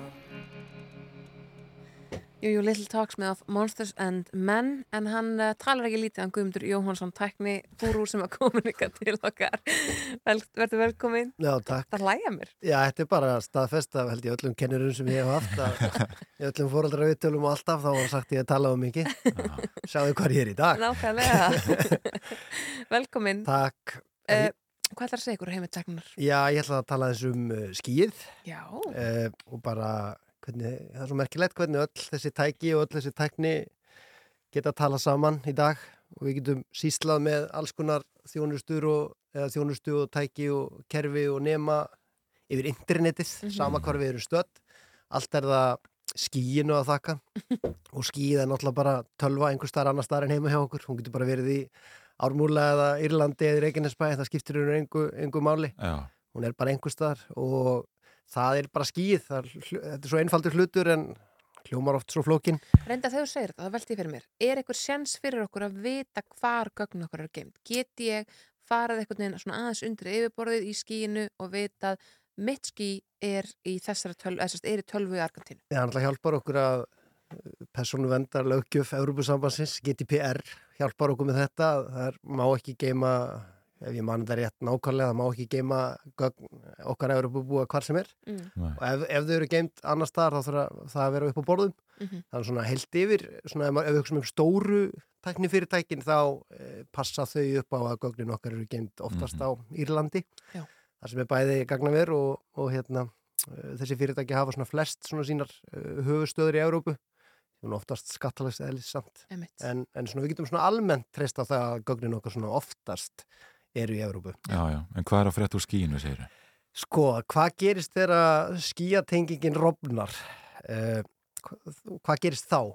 Þegar skíið dettur út eða sá hluti skísin sem við treystum á uh, hættir að virka og það er svona eitthvað sem að viðskiptavinir Insteon sem er hérna, fyrirtæki sem var mjög snemma leiðandi í uh, þróun snjallheimila uh, bara lungu áður en að snjallheimili var tískorð þá voru þau komin með alls konar nema og myndavélar og perur og fjastýringar og bara svona heildarkerfi sem náttúrulega fólk svo fjárfesti í og, og hérna uh, uh, sett upp heima hjá sér og var bara rosa ánætt með og, og var bara eins og ég segi svona frekar leiðandi í þessum bransa. Og það sem gerðist er að viðskiptafinni fyrirtækisins lendu í því að alls konar sjálfvir, sjálfvirkni og rattstýring og, og annað bara hætti að virka um daginn og var enga tilkynning, engi tilkynning á heimasíðu fyrirtækisins og engin svaraði tölvupóstum og eða var reyndar hengi símanúmur fyrirtækisins var það bara ótengt og svo svona þegar fólk byrjaði að grafa lengra komið ljósa með þess að fórstjónin var búin að eða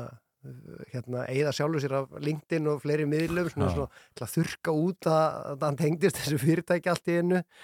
Og þeirra vefþjónar innstíðan eða að þeirra skíatenging fór niður þá bara hætti snjall heimilið að virka. Mm. og þá varð hátækni heimilið bara ótæknivættu og rosalega venjulegu heimili sem er alltaf mjög spennandi eh, en sérst, það sem gerist svo þegar innstjón loksins rauf þögnina er að fyrirtækið bara farað hausinn. Og þannig kostar að reka vefþjóna það kostar að halda upp í þjónustu og peningarnir eru búnir og þau náðu ekki að finna kaupanda að fyrirtækinu til að reyna að bjarga sér. Þannig að, þannig að þjónustan er bara farin í gólfið og viðstefirinnir geta ekkert gert.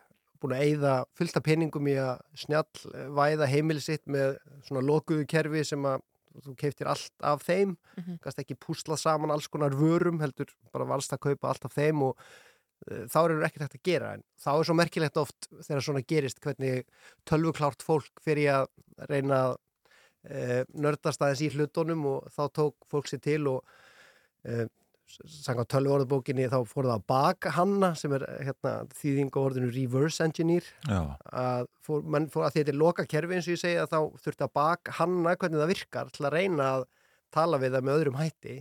Og fólk fann leiðir hvernig var hægt að láta öll þessi tæki virka áfram. En svo þegar maður skoðar það eins, þá það, er það kannski ekki fyrir einn venjulega tölvunótanda eða venjulega heimilismeðlim að sparka lífi í þessi tæki en það er samt hægt sem sýnir bara hvað við erum, eh, þó þetta sé bara ennitt svona lítið dæmi að hvað við erum orðin háð uh, skíinu og netinu og þetta er alls ekkert fyrsta dæmi um svona bara svona uh, hérna Revlov, Iris, Insignia, Connect þetta eru allt snjallheimilis þjónustur sem að, eða þjónusta sem að var til, fólk var búið að fjárfesti í svo bara hurfuðar Mhm. og fólk situr eftir bara með dót heima hjá sér sem bara er bara ónýtt plast í raun og veru sko, Mhm. Já. með einhverjum eh, rafbúnaði en það er bara þannig að við erum svo ótrúlega háð skíin og við sjáum það þegar Facebook er hnökrar í rekstri Facebook eða Instagram eða, eða YouTube eða Netflix þá fyllist Twitter eða samfélagsmiðlar sem eru virkir að fólki að spyrja og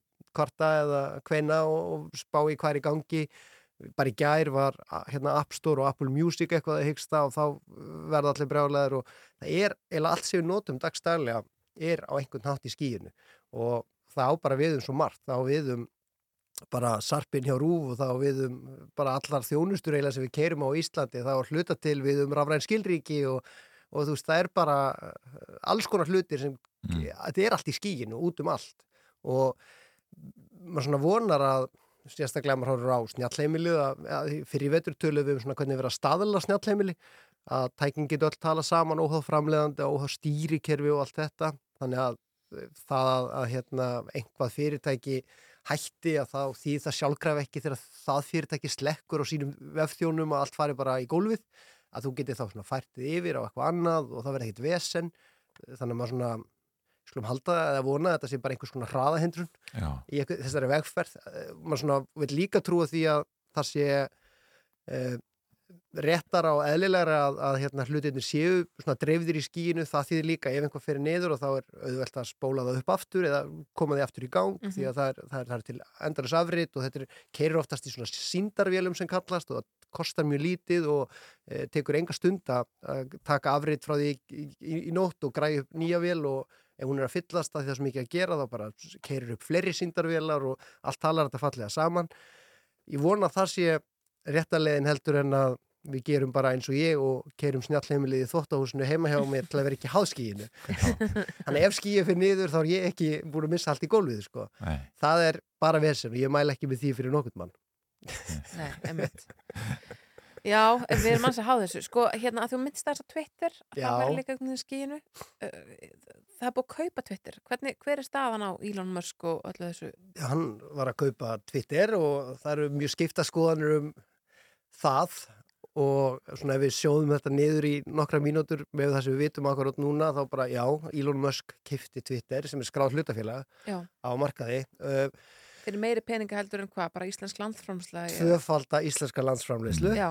er, er það sem hann er að borga Já, það er- tók hann smá tíma að finna fjármögnun uh, því að þó hann sé sannlega einna ríkustu mönnum í heimi þá er ekki, þetta er ekki peningar og bók þetta er bara það sem hann er metin á já. og hans auðæfi er eiginlega öll bundin í Tesla og uh, mikið af því er bara bundið þar fasta því hann er líka með veð í þeim hlutabrifum út af einhver öðru sem hann fekk lána það er alls konar svona eitthvað en, en sem sagt, það sem að mun ég náttúrulega veit ekkert hvað mun gerast en það, það sem að maður hefur séð og lesið frá mér fróðari fólki er að uh, starfsfólk Twitter er allavega mjög smegt og svona hrætt við þetta og flest uh, að því að það veit ekki aldrei, þú veist aldrei hvað Elon Musk gerir hann Nei. segir eitt og gerir svo annað og hann var á daginn að tala um málfrelsi og hvernig væri hægt að bestla Twitter og það var sagt svona frekar mikill í vankunáttu um hvernig málfrelsi og bara tjáningin virkar. Mm. og hann var að segja hvernig var hægt að leysa hinn og þessi vandamál á Twitter og það voru þá all hlutir sem Twitter var búið að gera en virkaði ekki eða Mm. Twitter löngu búið að gera og er bara virt í dag Mm. og Twitter gerir. Þannig að hann var svona, talaði ekki af mikill þekkingu þar. Nei, hann er maður hugmynda. E, Já, og, og stundum hugmyndagreinlega sem eru þegar komin í framkvæmd. Já, klálega, en svo var líka svona áhugavert að sjá að því að starfsfólki verist svona veist, jú, Elon Musk er mikils metin, hann er ekki endilega mikils metin alltaf að rétta fólkinu Nei. og þetta gæti því til lengri tíma að Twitter ætti erfileikum með að fá hæft og klárt starfsfólk Já. af því að það fyrir hennilega vilja ekki vinna hjá honum Nei. en svo veit enginn hversu virkur hann ætlar að vera í stjórnun fyrirtækisins, ætlar hann að vera bara skiptirsræði alla daga, það er vissulega mjög mikið að gera hjá Elon Musk að skjóta upp geimflugum og framlega rafarspíla en þú veist, hann getur ekki gert allt en það verður svolítið bara komið ljós en svo var líka svolítið áhugavert fannst mér í bara þegar ég var að skrolla Twitter í gerkvöldi hvað var mikið af notendum svona þekktu fólki úr tækniheiminum sem reynlega bara kvatti Twitter Já. og bara sjáast á, sjáast á Instagram.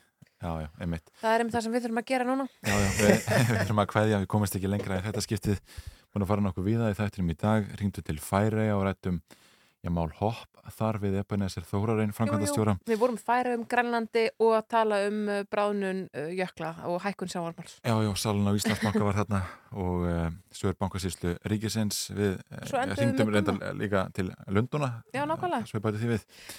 Og endum hér á, á tæknimálunum en við ætlum að þakka fyrir í dag og skipta yfir á fréttastofuna